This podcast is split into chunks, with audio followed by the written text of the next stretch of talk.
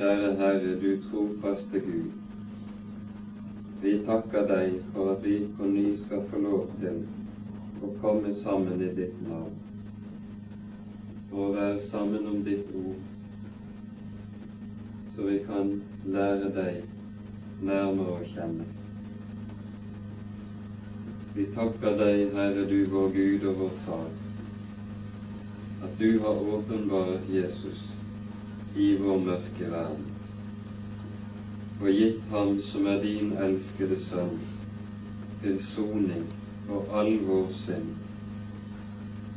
slik at vi skal få lov til å eie livet i ham. Nå ber vi deg, du vår Far, at du vil komme og arbeide her midt iblant oss ved din Hellige Ånd. Send din Hellige Ånd slik i våre hjerter at vi kan få se og kjenne deg, se og kjenne Jesus og bindes til ham. Og fri oss, du vår Gud, fra alt som er av menneskelig. Herre, kom du og ta. Amen.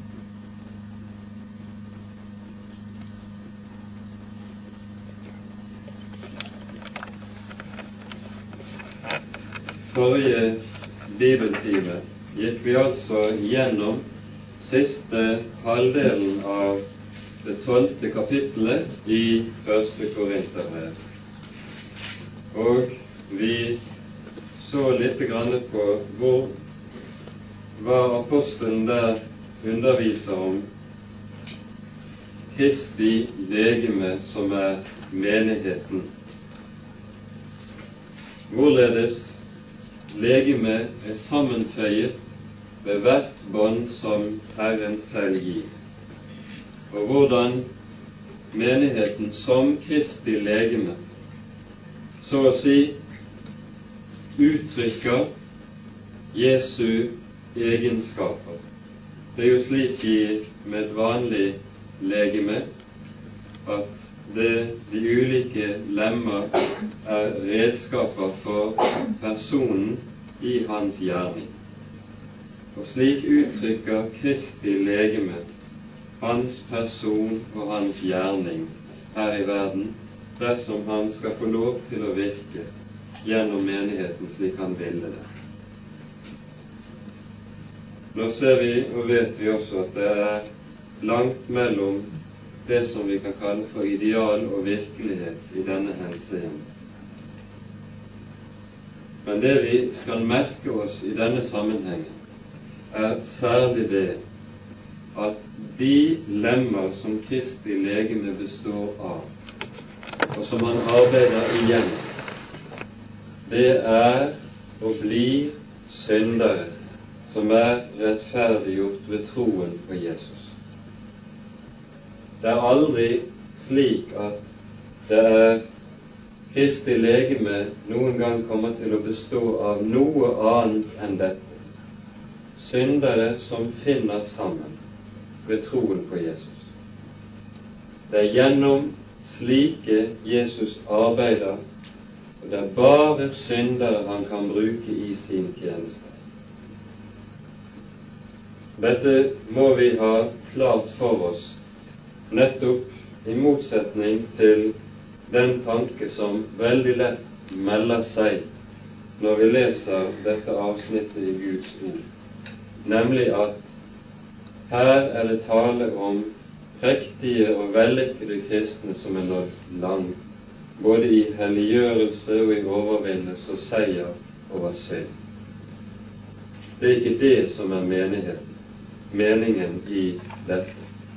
Menigheten består av syndere som føyes sammen i troen på Jesus. Og slik taler jo også apostelen nettopp i det første kapittelet i dette brevet, der han ber korinterne om å legge merke til sitt kall. For det var ikke mange store, ikke mange vise, ikke mange mektige og høygående her i verden som var utvalgt men det var de små, de skrøpelige og de hjelpeløse. Det var de Herren har utvalgt, og det var de han tok i bruk. Og det var de som sammen utgjorde hans legeme, menigheten i Korint. Så talte vi også litt om nådegavene, hvorledes Herren utdeler og arbeider og virker ved dem. Og så kommer dette avsnittet som kalles for kjærlighetens høysang, som vi vel kan, må si er et innskudd i dette avsnittet i Korinterbrevet, hvor apostelen taler om menighetens liv. For både det ellevte og det tolvte og det fjortende kapittelet handler om menighetens felles liv, ganske særlig i gudstjenestens fellesskap. Og mange fortolkere har ment at det 13. kapittelet hører dårlig i sammenheng. Det er liksom litt malplassert, dette innskuddet her. Men ser vi nøyere etter, så vil vi se at nettopp dette innskuddet er helt nødvendig i sammenhengen. For det er nettopp nødvendig i talen om legemet å tale om kjærlighet. Det ene gis ikke uten det andre, nemlig. Og Derfor leser vi slik i det siste verset i det tolvte kapittelet.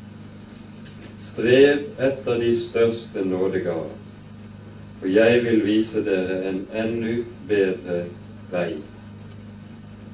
Og så kommer kjærlighetens høysang. Når vi leser dette verset, strev etter de største nådegaver, så tenker vi umiddelbart at dermed så mener apostelen at alle skulle streve etter de gavene som han tidligere har kalt for de største i dette avsnittet, nemlig å være apostel eller profet eller en slik som skulle være i stand til å gjøre undergjerninger. Men det er ikke det han sikter til i denne sammenheng. For her er det ikke tale om det som er stort eller iøynefallende i menneskers øyne, eller etter menneskelig målestokk. Men her taler han om det som er stort i Guds øyne og etter Jesu målestokk. Og Da tror jeg vi skal gå til avsnittet i Matteusevangeliets 20. kapittel for å se hvorledes Jesus taler nettopp om disse tingene. Her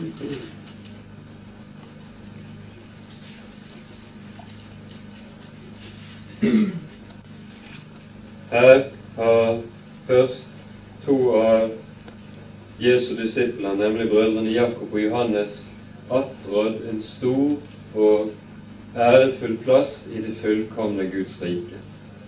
De ba om å få sitte på hver sin side av Jesu trone i det fullkomne Guds rike. Og så blir de irettesatt av Jesus, og så sier Jesus fra vers 25 og utover Jesus kalte dem til seg og sa:" Dere vet at fyrstene hersker over sine folk, og deres stormenn bruker sin makt over dem. Slik skal det ikke være blant dere. Men den som vil være stor iblant dere, han skal være deres tjener og den som vil være den første blant dere, han skal være deres trell.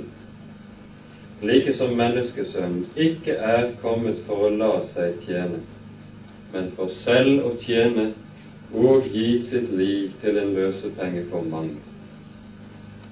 Her sier Jesus uttrykkelig hva som er stort i hans øyne. Det som nemlig menneskelig talt ser lite og ubetydelig ut å tjene. Ja, det som i hedenskapet i datiden var sett på som det aller laveste og mest foraktelige, nemlig å tjene og gå til hånde. Det setter Jesus som det største og det fremste i Hans rike. Og så sier apostelen jeg vil vise dere en enda bedre vei. Og Da skal vi legge merke til at det er noe som er viktig i denne sammenhengen. Og det er at kjærligheten her nettopp kalles for en vei. Han taler ikke om målet, men om veien. Nettopp fordi at Jesus og vil vare oss fra en usunn oppmerksomhet omkring det som kalles for målet. For blir det slik at vi mennesker bare blir opptatt av målet i stedet for veien mot målet og midlene til å nå målet, så står vi i fare for å komme nettopp på avveien.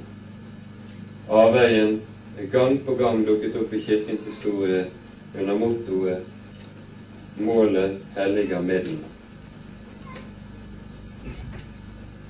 Slik er det ikke i Guds rike. Det er veien og midlene til å nå målet som er det grunnleggende. Enkelt og stillferdig, skritt for skritt, dag etter dag, så er det veien som er det grunnleggende. Derfor sier også Jesus om seg selv at han er veien. Vel er han målet for våre liv, men han er også veien. Og så begynner kjærlighetens høysang, og da tror jeg vi skal lese disse versene. Om jeg taler med menneskers og englers tunger, men ikke har kjærlighet, da er jeg en lydende malm eller en klingende bjelle. Og om jeg eier profetisk gave og kjenner alle hemmeligheter og har all kunnskap, og om jeg har all tro så jeg kan flytte fjell, men ikke har kjærlighet, da er jeg intet. Og om jeg gir til føde for fattige alt det jeg eier, og om jeg gir mitt legeme til å brennes, men ikke har kjærlighet, da gagner det meg intet. Kjærligheten er langmodig, er velvillig. Kjærligheten bærer ikke avvik. Kjærligheten brammer ikke eller oppblåses ikke. Den gjør intet usømmelig. Den søker ikke sitt eget, blir ikke bitter, gjemmer ikke på det onde. Den gleder seg ikke over urettferdighet, men gleder seg ved sannhet. Den utholder alt, tror alt, håper alt og tåler alt. Kjærligheten faller aldri bort. Men hva enten det er profetiske gaver, da skal de få ende. Eller det er tunger, da skal de opphøre. Eller det er kunnskap, da skal den få ende. For vi skjønner stykkevis, og vi taler profetisk stykkevis. Men når det fullkomne kommer, da skal det som er stykkevis, få ende. Da jeg var barn, talte jeg som et barn, tenkte jeg som et barn, dømte jeg som et barn. Men da jeg ble mann, la jeg av det barnslige. For nå ser vi i et speil og i en gåte, men da skal vi se åsyn til åsyn. Nå kjenner jeg stykkevis, men da skal jeg kjenne fullt ut, like som jeg også fullt ut er kjent. Men nå blir disse stående, disse tre. Tro, håp og kjærlighet. Og størst blant dem er kjærlighet.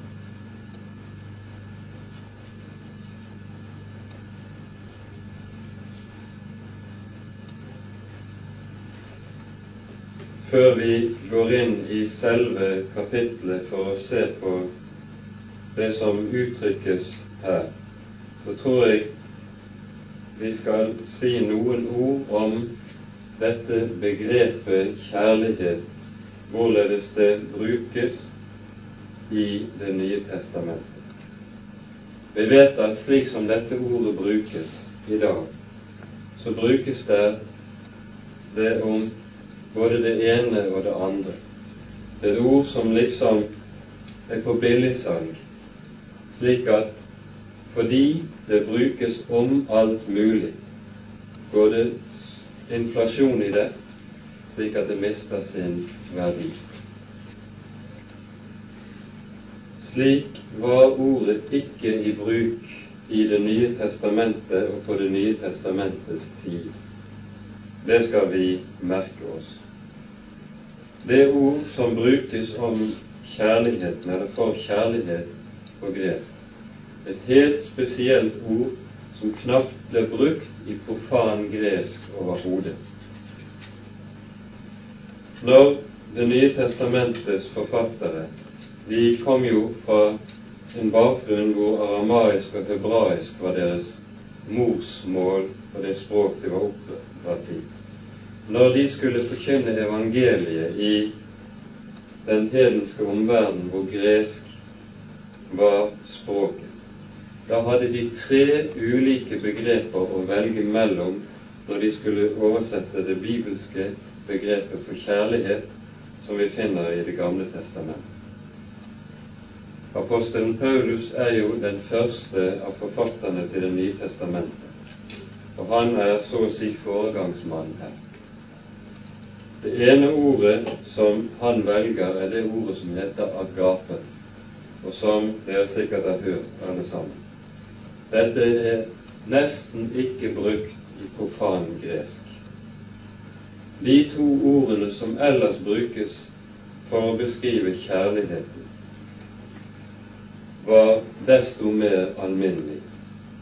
Det ene var ordet eros, som primært brukes for å beskrive den sanselige kjærligheten mellom mann og kvinne. Og i vårt språkbruk har vi jo det i ordet erotikk. I filosofisk mening så kunne dette ordet også brukes om menneskets religiøse streven oppad, men det var ikke den vanlige bruken. I dette eros-begrepet lå også den veldige vekten på to andre eh, grunndrag, tror jeg vi kan si. Det ene er vekt på den følelsesmessige siden ved saken. Og det andre er vekten på at den som man elsker eller etterstreber, er verd å bli elsket.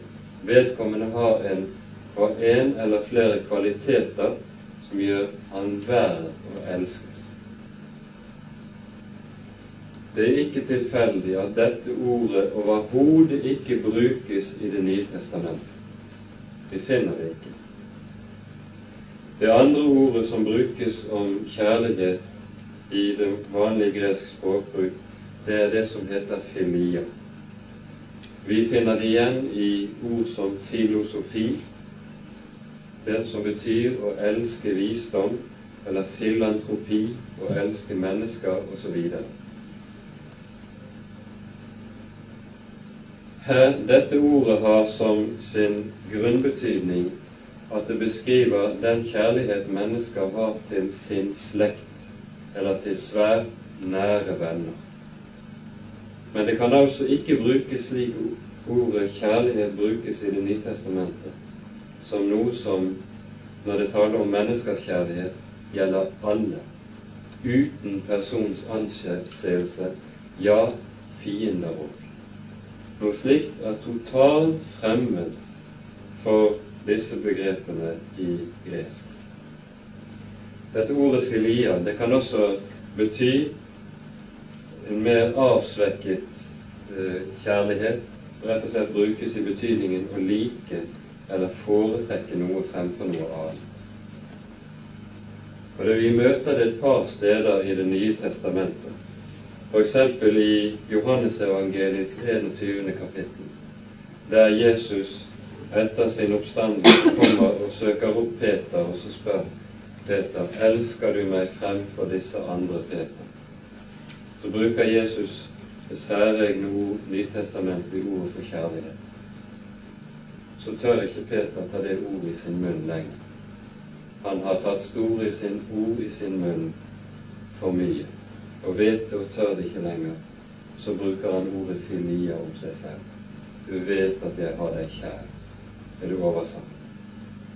Han bruker det svakeste ordet han kan om sin egen kjærlighet. så når vi altså frem til det ordet som brukes i Det nye testamentet, agape.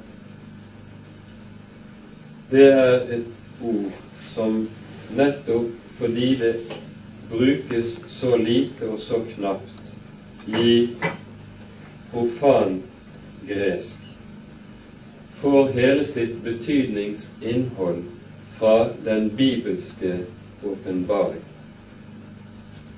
Vi skal være klar over at i det bibelske kjærlighetsbegrepet er det ingen vekt på den følelsesmessige siden ved saken. Den ene.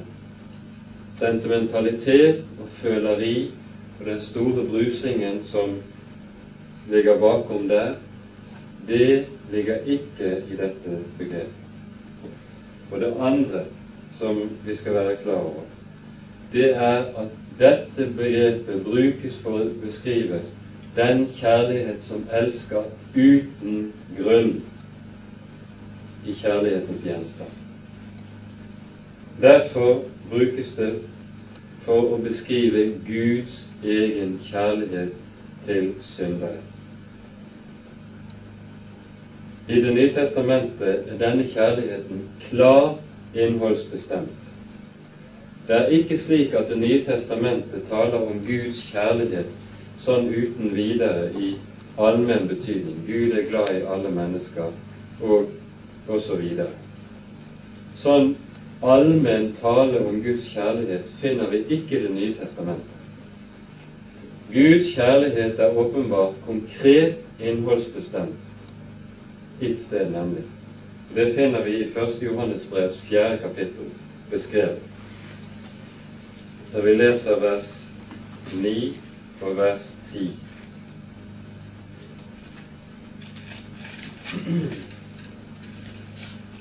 Ved dette er Guds kjærlighet åpenbaret iblant oss, at Gud har sendt sin Sønn, den enbårne, til verden, for at vi skal leve ved ham. I dette er kjærligheten, ikke at vi har elsket Gud, men at Han har elsket oss først, altså, og sendt sin Sønn til soning for våre synder. I verset før gis det konkrete ordet som beskriver Guds vesen som kjærlighet.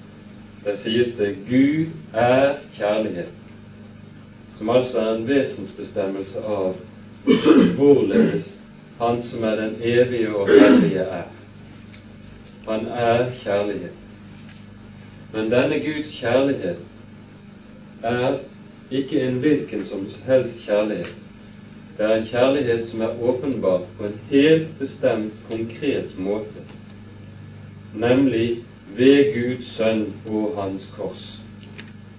Guds kjærlighet er ikke åpenbart på noen annen måte eller på noe annet sted. Og vi finner den ikke og får den ikke i eie uten i og ved og gjennom dette kors.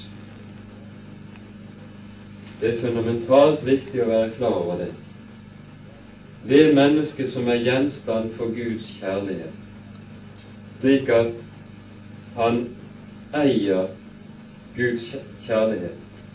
Han er den som eier Jesus som sin frelser og forsoner. Der er Guds kjærlighet gitt og åpenbar.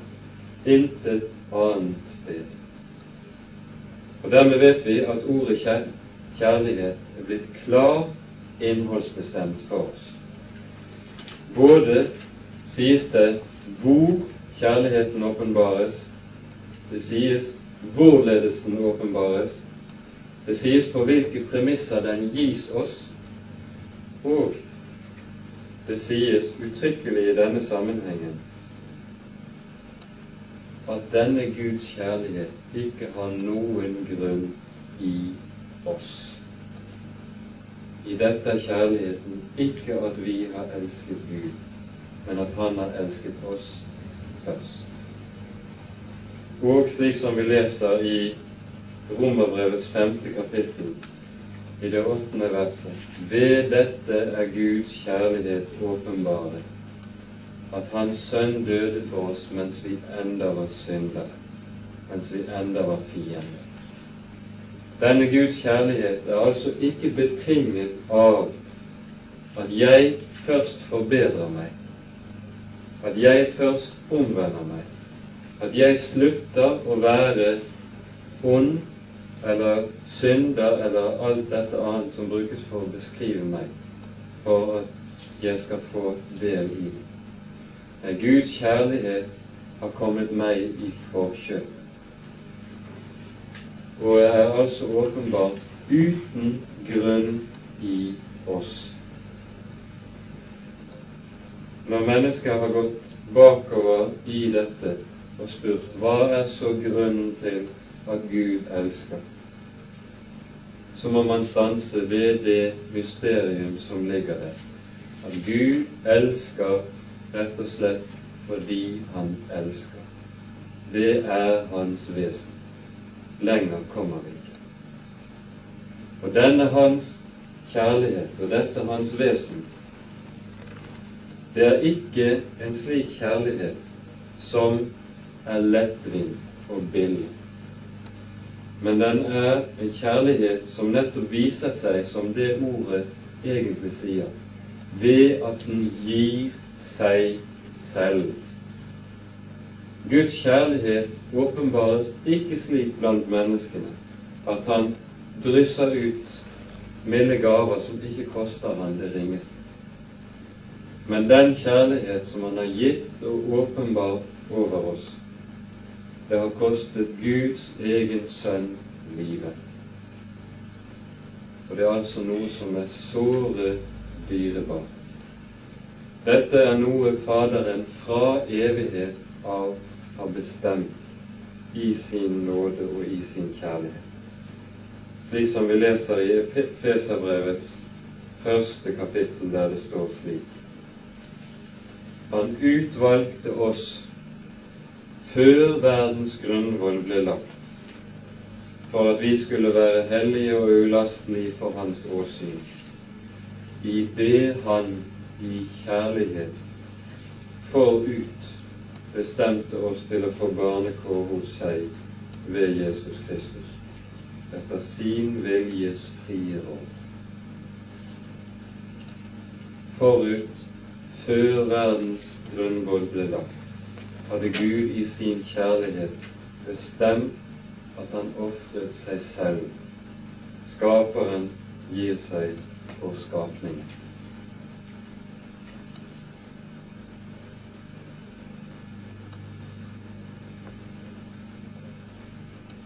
Når dette begrepet blir det hovedbegrep som så å si alle andre begreper i Det nye testamentet som beskriver Guds handlinger mot oss, utledes fra, så er det fordi like som Guds vesen er kjærlighet, så vil Han også ha vår kjærlighet. Den levende Gud er ikke først og fremst interessert i å ha tjenere, lydige slaver, men han vil ha vår kjærlighet. Og Dette er noe vi skal være klar over, for her skiller det bibelske gudsbegrep seg fundamentalt fra alle hedenske gudsbegrep overhodet. Denne forkynnelse og tale om Gud og Hans åpenbaring i Jesus ved soningen det var noe som var totalt nytt for hedningene når de hørte det. Og de gudene hedningene var vant til, det var slett ikke guder som elsket menneskene. Det var noe ukjent, det. De var guder som var like selvopptatte og fylt av egeninteresse som alle menneskene som var rundt dem. Slike guder var hedningene vant til. Men så plutselig å høre om en gud som gir livet for syndere. Det var noe nytt. At han vil ha gjenkjærlighet likeledes. Og der, dermed så møter vi det andre som er viktig å ta med oss i denne sammenheng. Når Skriften taler om vår kjærlighet, så er det noe som ikke kommer og ikke ved noe vi kan få i stand, noe vi kan få til eller anstrenge oss for å lage. Vår kjærlighet er bare et speilbilde av noe som Han har gitt oss først. Like som månen når den lyser, speiler solen. Vi har den kjente beretningen i Lukasevangeliets syvende kapittel om kvinnen, synderinnen, som kommer inn i fariseeren Simons hus, og som vasker Jesu føtter med sine tårer. Og så spør Jesus Simon, som anklager henne i sitt indre. Simon, det var en mann som hadde to skjebner. En skyldte ham 500 denarer og den andre 50. Og så etterga han dem begge i. Hvem vil så elske ham mest? Den han etterga mest, svarer Sion. Simon. Ja, du svarte rett, sier Jesus. Og så peker han på denne kvinnen. Hun elsker meget fordi hun er meget tilgitt. Ikke fordi at hun hadde tatt lovens krav mer høytidelig enn Simon, for det vet vi, det hadde hun slett ikke gjort. Det var Simon som tok loven på alvor, men han hadde ikke kjærlighet. Og slik er det også i Johannes første brevs fjerde kapittel. Der sies det uttrykkelig at vi elsker fordi Han elsket oss først. Det er et bilde av dette som har vært brukt fra gammelt av, at snø og is kan aldri bli varme. De er ikke i stand til å ta imot solens varme. De må først smelte. Og det er nettopp det Han som er Herre, gjør. Han tvinger ikke kjærligheten frem hos sine barn ved loven, men han gir den ved å åpenbare Jesus for en synder sitt hjerte. Og Dermed skal vi minnes det ordet som Jesus gir i Johannesevangeliets 13. kapittel, der vi husker hvorledes Jesus først har vasket disiplene sine føtter og gitt dem et forbilde på hva den største i himlenes rike, hvorledes han fornedrer seg som den laveste, og viser at den tjeneste som i menneskers øyne er den laveste, det er den største i Guds rike. Og så sier han litt lenger ute i kapittelet et nytt bud gir jeg dere, at dere skal elske hverandre like som jeg har elsket dere. Derfor skal alle kjenne at dere er mine disipler, at dere har innbyrdes kjærlighet. Hva er det nye ved dette budet? I Det gamle testamentet finner vi jo uttrykkelig bud om både om at en, en som vil høre Gud til, han skal elske sin neste og sin fiende. Det sies uttrykkelig i Mosebøkene. Og i Mosebøkene sies det også uttrykkelig at du skal elske Herren din Gud av alt ditt hjerte, av all din sjel, av all din kraft og av all din forstand. Hva er det da som er nytt ved Jesu Gud? Jo, det at han sier 'like som jeg har elsket dere'. Det er det nye. Og dermed blir budet noe annet enn et bud i lovens mening. Og dermed skjønner vi at det er bare det mennesket som er gjenstand for Jesu kjærlighet, og som har erfart hva det er å bli tatt inn til Guds hjerte som hans barn, ved at Jesus har vasket vekk synd det er bare det mennesket som kan elske i Bibels forstand av ordet. De andre må med nødvendighet bli lovfeller.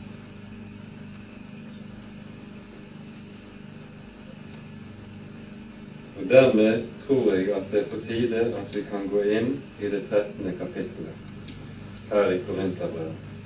For det vi skal ha klart for oss her, det er at apostelen ikke taler bare om menneskenes kjærlighet her, men han taler så å si om kjærligheten i sin totalitet, både om Guds kjærlighet og om vår når det taler om gjensvaret som kommer.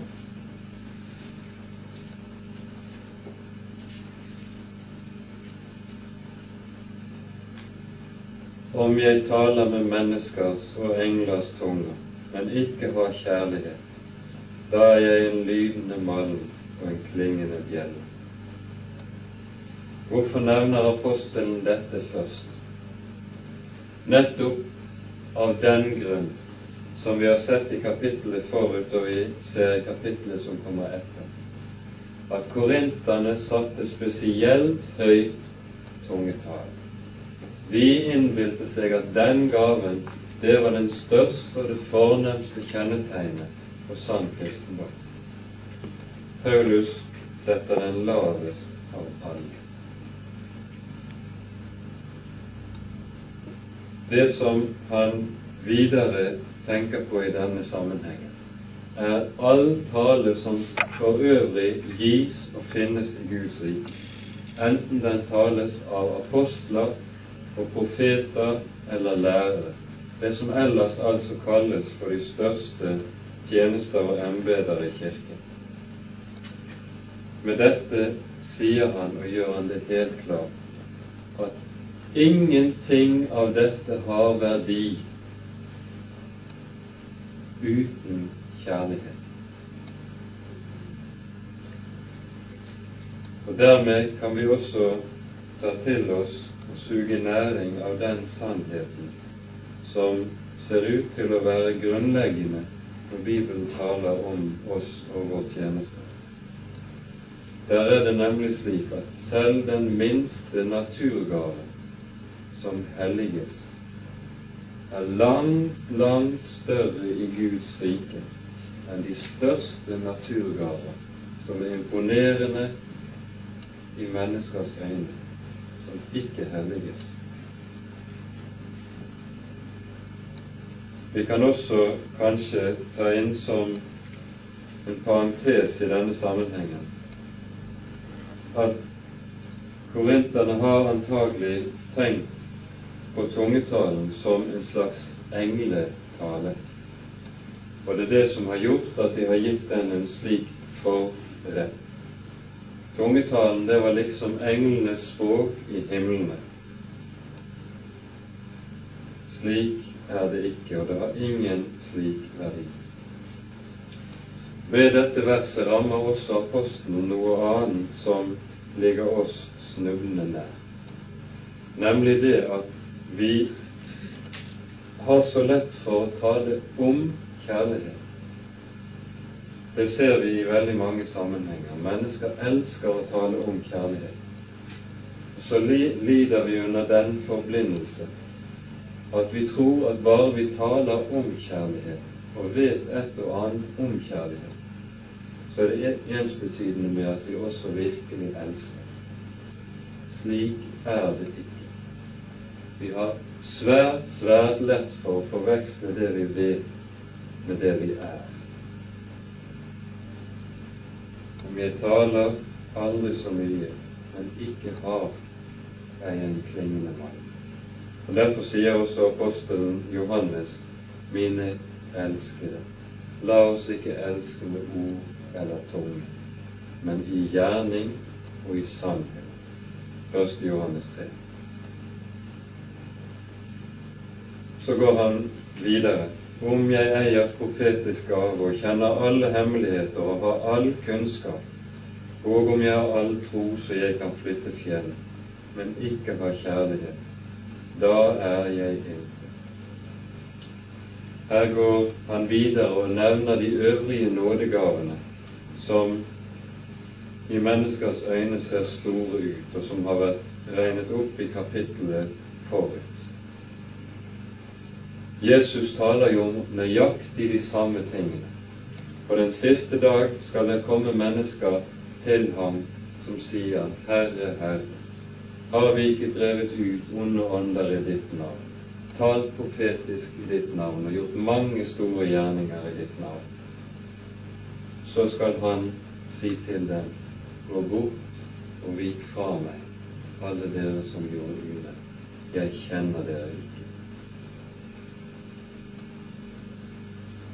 Det er lett å ha mangt slags av slikt som ser stort og fint og åndelig og kristelig ut, men som ikke har den marg i seg som er kjennetegnende for det fundamentale i det kristne liv.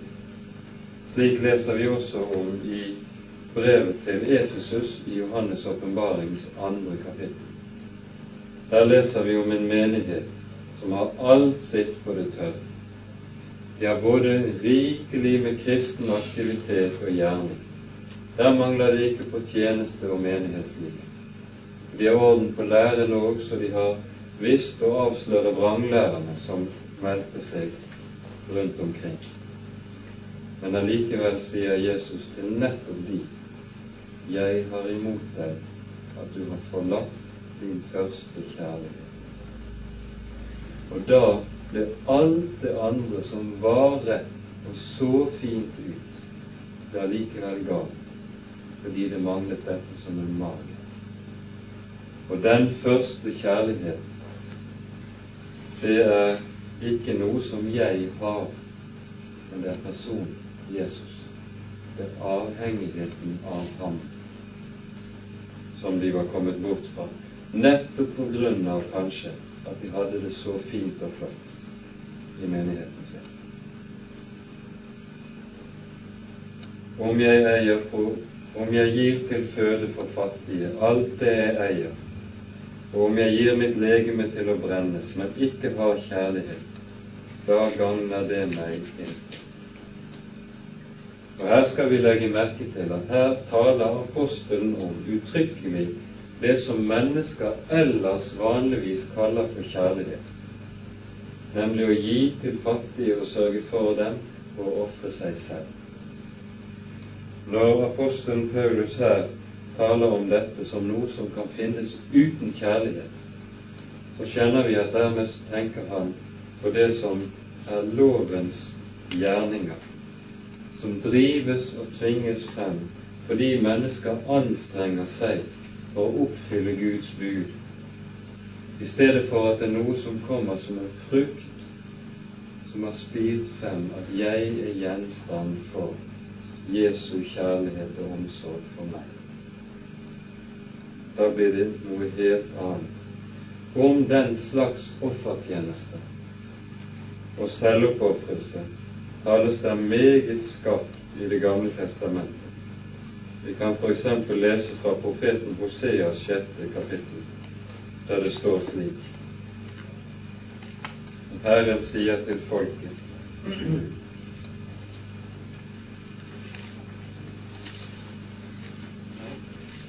i det sjette verset i det sjette kapittel Jeg har lyst til kjærlighet og ikke til slaktoffer, og til Guds kunnskap mer enn til brennoffer. Det er det Herren har lyst til å se i folket, ikke alskens offertjeneste. I disse første versene har som nærmest en innledning i dette kapittelet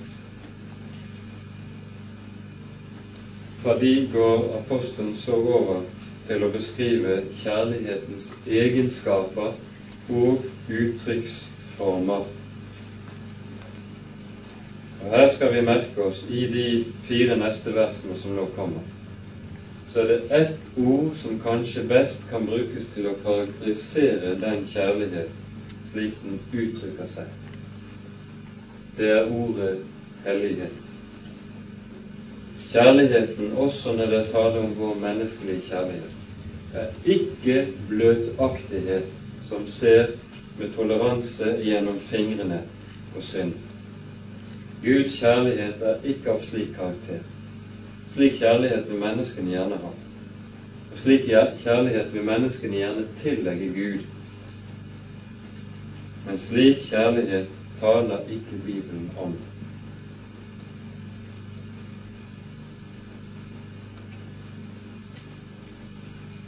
Når vi ser på disse kjærlighetens ytringer, så vil vi se at de er radikalt mot, motsatt det som er det naturlige menneskets liv, trang og ytringsformer. Det naturlige mennesket har sitt behov i det stikk motsatte av det som beskrives her. Kjærligheten er langmodig, er velvillig. Kjærligheten bærer ikke avvind. Kjærligheten brammer ikke og oppblåses ikke. Bare det første begrepet her er kanskje den beste beskrivelsen av den. Ordet langmodighet, som brukes en rekke steder i Bibelen, både som en egenskap til å beskrive Gud selv, som gjenstand for, eller blir utsatt for urett, så vil en hedning tvert om se det som en æresak både å hevne seg og gjengjelde så raskt og så hardt som mulig. Det vet vi det kjennetegnet våre norrøne forfedre. Slik var det også i hedenskapet på Jesu tid. Langmodigheten hører det naturlige mennesket til, ikke det naturlige mennesket til. Kjærligheten derimot, den er langmodig. Den er velvillig, eller mild, som det gjerne også kan oversettes. Kjærligheten bærer ikke avvind eller er misunnelig, som det vel står oversatt i den nye oversettelsen. Er ikke det det? Misunnelsen har det med seg at det er mis, den er misfornøyd med Guds styrelse av mitt liv. Jeg er ikke fornøyd med slik som Han har styrt det for meg. Jeg vil ha det slik som andre har det, som har det bedre. Og misunnelsen er stikk motsatt av den ånd som taler i Salme 23. Herren er min hyrde, meg fattes intet. Den som kjenner sin Herre slik, og har nok i sin Herre på de premisser, han får også lov til å befris fra noe av det som heter arven og misunnelse. Kjærligheten brammer heller ikke og oppblåses ikke. Her kan jeg kanskje få minne om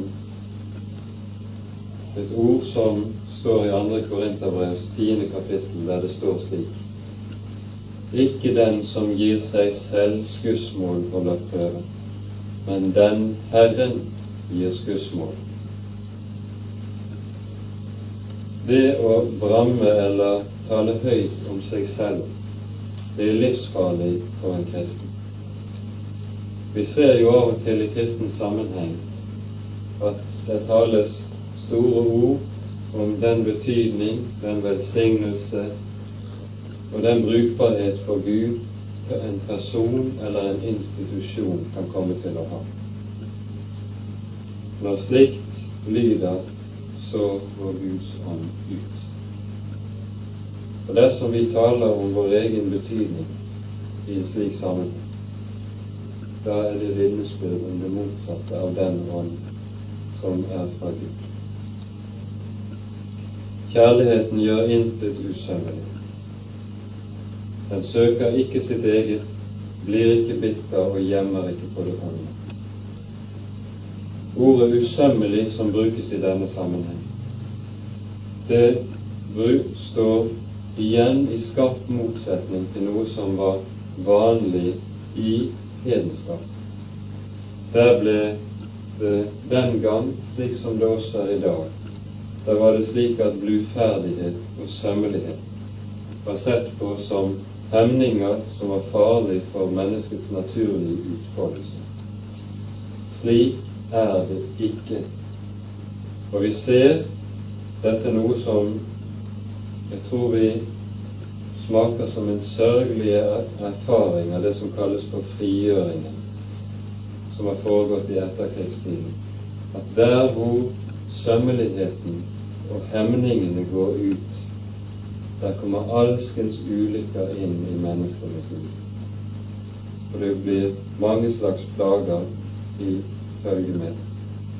Sømmelighet og bluferdighet er dyder som kjennetegner den kristne kjærlighet.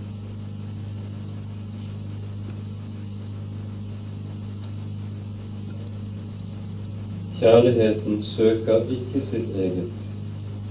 Og dette vet vi liksom det var noe som skulle kjennetegne den kristne, så er det det som kjennetegnet Jesus i alt han var og alt han gjorde overhodet.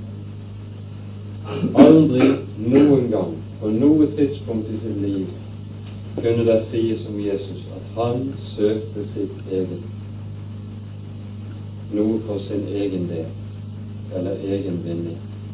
Han hadde aldri det han kunne vende sitt hode til, og søkte det ikke heller.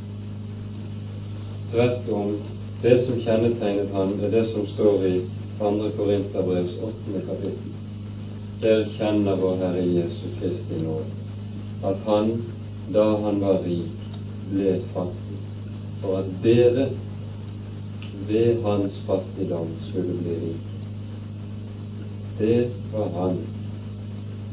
Og noe av det sinn er det som begynner å gjøre seg gjeldende der hvor Jesus vinner skikkelse iblant sine små. Slik som det står i Filipperbrevet brevets andre kapittel. La dette sinn være i dere, som òg var i Kristus Jesus. Han som da han var i Guds skikkelse, ikke aktet det for over å være Gud lik, men av seg selv ga avkall på det. Og Her skal vi merke oss at det er viktig at dette ordet skal ikke oversettes med sinnelag. La dette sinnelag være i dere. Men det står sinn for når vi, ordet oversettes med betydningen sinnelag, så får vi med en gang den tanke at her dreier det seg om en innstilling som det om å gjøre for oss å etterape, slik at vekten blir liggende på Jesus som vårt forbilde, og dermed er det loven som er inne i bevisstheten hos oss. Men slik er det ikke. Det sinn som skal bo i oss som kristne, det er Jesu eget sinn. Det at Jesus bor i oss som Guds barn og skal vinne skikkelse i oss. Det er noe som ikke skjer gjennom min lovlydighet, men det er noe som skjer gjennom at jeg dødes og korsfestes ved evangeliet og oppstår til det nye liv. Jeg vet det sin lov det er tale om her. På lignende måte fortsetter apostelen blir ikke bitter. Igjen er det tale om her i denne sammenheng hvorledes den kristne kjærlighet ytrer seg når han eller hun som kristen er gjenstand for ondskap og blir etterstrevet fra mennesker. Da gjemmer den ikke for bitterhet. Tvert om står det slik i Salme 37, og jeg tror det er et ord som vi gjør vel i å minnes i denne sammenheng.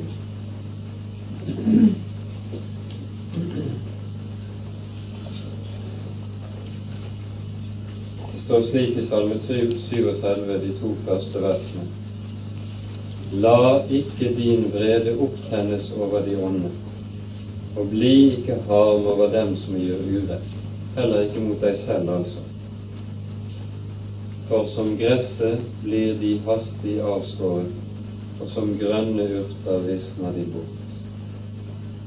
Altså, harme overfor urett som blir begått mot oss, er ikke det som preger en kristen ånd. Tvert om skal vi som kristne ha ondt av dem, nettopp fordi at vi vet hvilken skjebne de går i møte slik som det står her i Salme 37.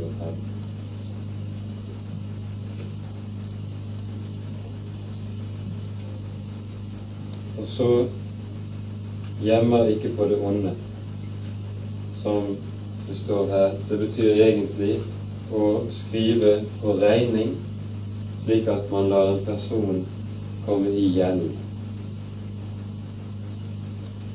Vi skjønner hva som ligger i dette. Og så i vers 6.: Den gleder seg ikke over urettferdighet, men gleder seg ved sannhet.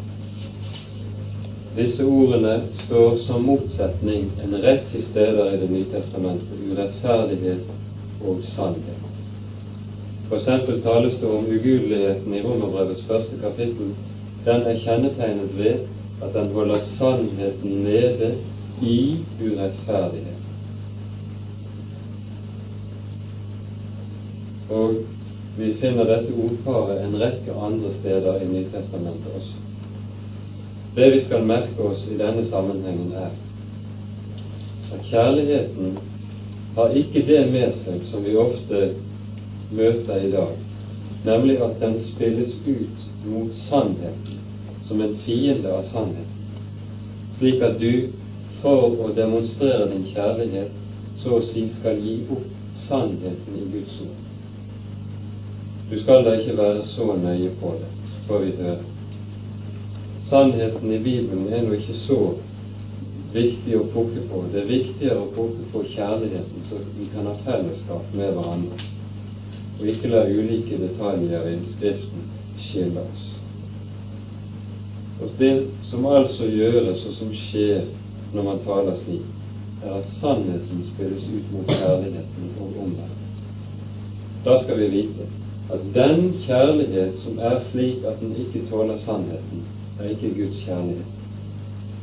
For Guds kjærlighet har just det med seg som vi leser her, at den gleder seg over sannheten. Slik som det også står i Efeserbrevets fjerde kapittel, at det som kjennetegner den kristne vekst og modning, det er at, at Kristi menighet skal sannheten tro i kjærlighet vokse og sammenføyes som legeme. Kjærligheten utholder alt, tror alt, håper alt og tåler alt.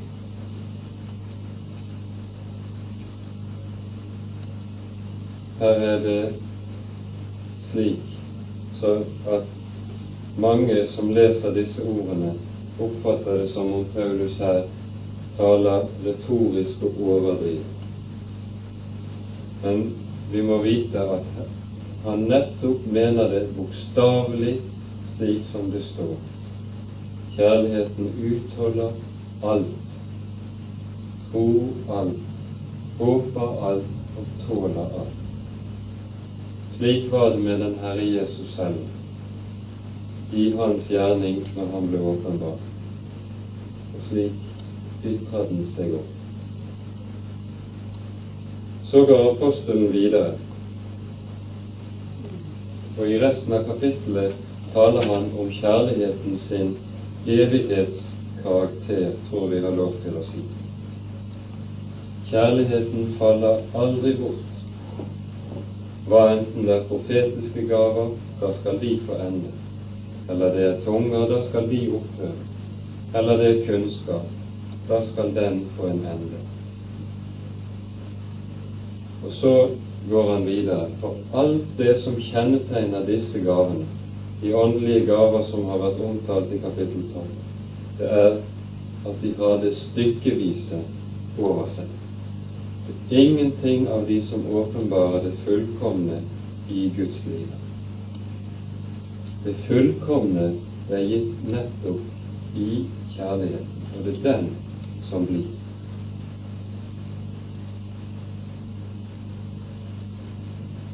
Da jeg var barn, talte jeg som et barn, tenkte jeg som et barn, dømte jeg som et barn. Men da jeg ble mann, la jeg av det barnslige. Når han vil illustrere hva som han vil ha sagt i dette. Så drar han denne analogien om forskjellen mellom det å være barn og det å være voksen. og hvorledes et barn respektive en voksen forholder seg til virkeligheten. For barnet er jo den samme personen som den voksne. Og virkeligheten er det samme både for barnet og for den voksne. Det som er forskjellig, er bare at evnen hos den voksne har utviklet seg til å ta inn virkeligheten, fatte den og ta imot den, slik som et barn ikke har. Og denne, skal vi kalle det for modning, er det som representerer overgangen til evigheten. Vi oppfatter den samme virkelighet selv om vi bare ser den som barn her i dette liv. Og vi skal gjøre det. Vi får ikke så å si noen ny og skjult virkelighet å se i evigheten. Men vi skal bare så å si lukkes opp, slik at alt det som stengte her, faller vekk. Nå ser vi i et speil og i en gåte. Da skal vi se åsyn til åsyn. Nå kjenner jeg stykkevis, men da skal jeg kjenne fullt ut, like som jeg også fullt ut er kjent. Dette sier han som kanskje har sett mest og kjent dyp sannheten aller dypest i den kristne menighet. Når han sier dette, så vet vi at dette ordet har vært misbrukt mye iblant oss. Nemlig på den måten at sannheten i Guds frelsesåpenbaring blir relativisert. Man sier at vi kjenner jo bare Gud allikevel, og dermed er det ikke så farlig om vi mener det ene eller det andre. Du kan mene ditt, jeg kan mene mitt, og så er vi allikevel er det i grunnen det samme likevel. Og det er jo så stykkevis. Om dette tror jeg vi skal lese ordet i 5. Moseboks 29. kapittel.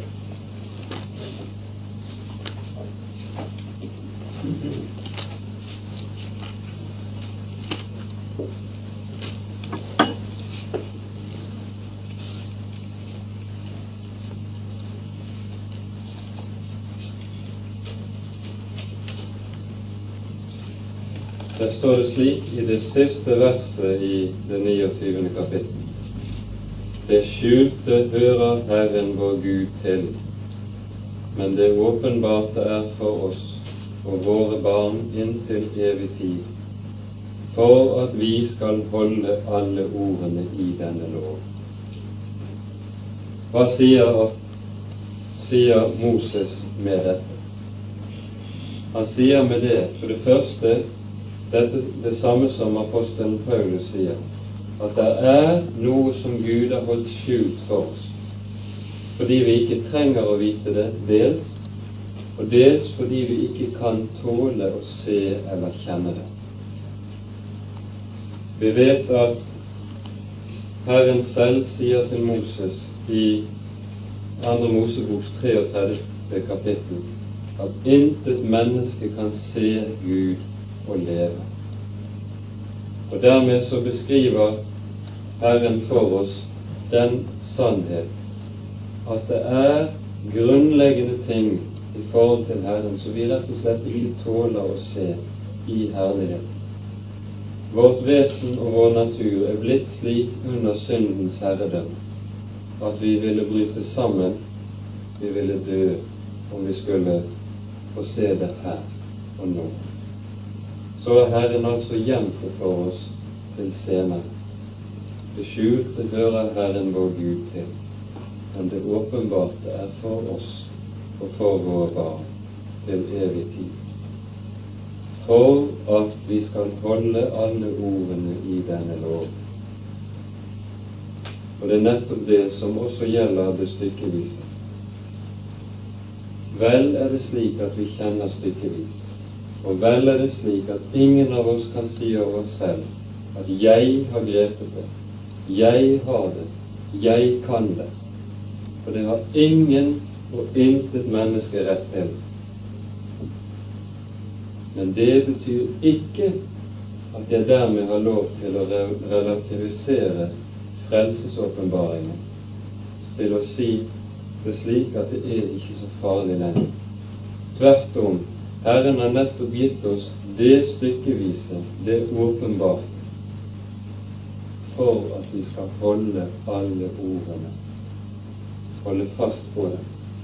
Det er åpenbart i et speil, sier apostelen. Og med det mener han slik som vi også ser det i et annet sammenheng i 2. Korinterbrevs 3. kapittel. Speilet er jo kjennetegnet ved det at jeg ikke ser direkte, jeg ser indirekte. Og slik er også frelsesåpenbaringen gitt oss, nemlig at vi ikke kan se den levende Gud direkte. Vi møter ham kun indirekte i Hans ord og i frelsesmidlene som vi har i dåpen og nærværet. Men ordet som det grunnleggende. Det er det speil der vi ser Herren. Det er det speil hvor vi lærer ham å kjenne. Og det skal vi holde fast på over alt annet. Nå ser vi i et speil i en gåte, men da skal vi se åsyn til åsyn. Nå kjenner jeg stykkevis, men da skal jeg kjenne fullt ut, like som jeg også fullt ut er kjent. Dermed beskriver apostelen det som er målet for oss. Det kjennskap jeg skal kjenne den levende Gud med den dagen jeg får se ham ansikt til ansikt. Det er det fullkomne kjennskap som han kjenner meg med nå. Mine få kjenner meg, og jeg kjenner dem, sier Jesus i Johannes 10. Og i Galaterbrevet 4 peker Paulus på samme sannhet. Nå når dere kjenner Gud, ja, hva mere er, er kjent av Ham. Og slik skal dette være noe som forlenges inntil dagen kommer når morgenstjernen går opp i våre hjerter.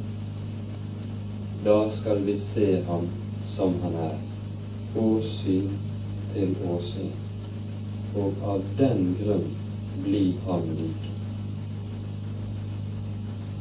Men nå blir de stående, disse tre, tro, håp og kjærlighet, og størst blant dem er kjærlighet. Alle disse tre blir stående i all evighet. Det er ikke slik at troen og håpet foregår i evigheten. De fortsetter, men blir av en annen karakter enn de er her i verden. Troen har i, her i verden det kjennetegn med seg at vi vandrer i tro, men ikke i beskuelse. Men det at vi ikke ser, det skal oppheves når vi når målet. Men troen selv skal ikke opphøre, fordi troen i Bibelen har som sin grunnkjennetegn at det er tillit til Herren. Og det grunnkjennetegnet, det forsvinner ikke i evighet, nettopp fordi det grunnleggende i det personlige forhold mellom Herrens du og mitt jeg, det skal fortsette i evighet. Bare på den måten at det herliggjøres. På en måte som for oss nå ikke kan gripes, bare anes. På samme måten med håp. Og til sist altså kjærligheten. Størst blant dem er kjærlighet. Og vi kjenner grunnen til at apostelen kan si at den er størst, fordi det er kjærligheten, Guds kjærlighet, som både er troens og håpets kilde. Hadde ikke Han åpenbart sin kjærlighet for oss ved sin Sønns død på treet, så hadde vi aldri kunnet tro. Vi hadde bare kunnet frykte under loven og dommen. Vi hadde aldri kunnet håpe og aldri hatt noen Gud her i verden. Og Derfor ser vi også at troen og håpet det er i Bibelen funksjoner av kjærlighet, for å si det litt dumt. Jeg har lyst til at vi til slutt skal se på to vers i Johannesevangeliets 17. kapittel.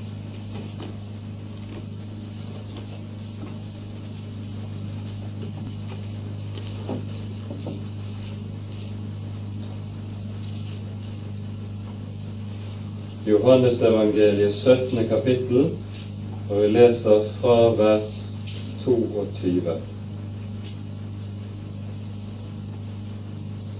Den herlighet som du har gitt meg, sier Jesus, den har jeg gitt dem, altså synderne som er kommet til tro på ham, for at de skal være ett, like som vi er.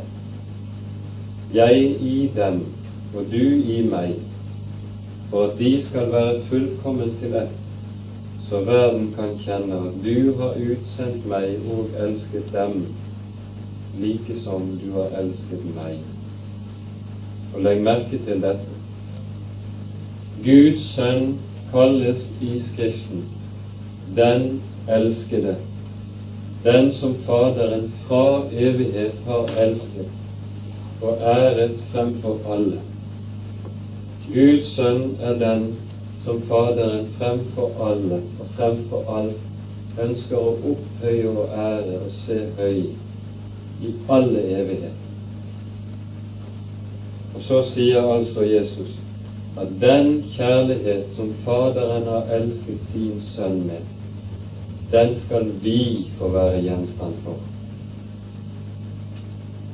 Vi kan ikke skjønne det. Det er for stort for oss.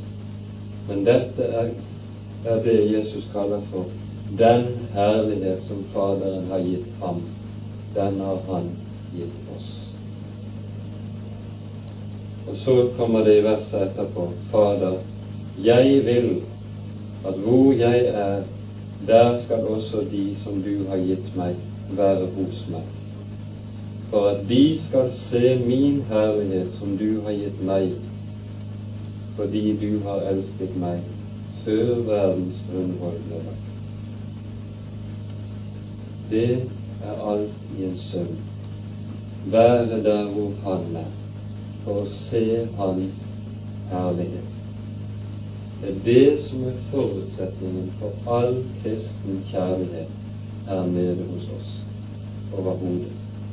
Det er for å se Hans herlighet og Hans storhet hans godhet mot synder. Og med det tror jeg vi stanser for i dag.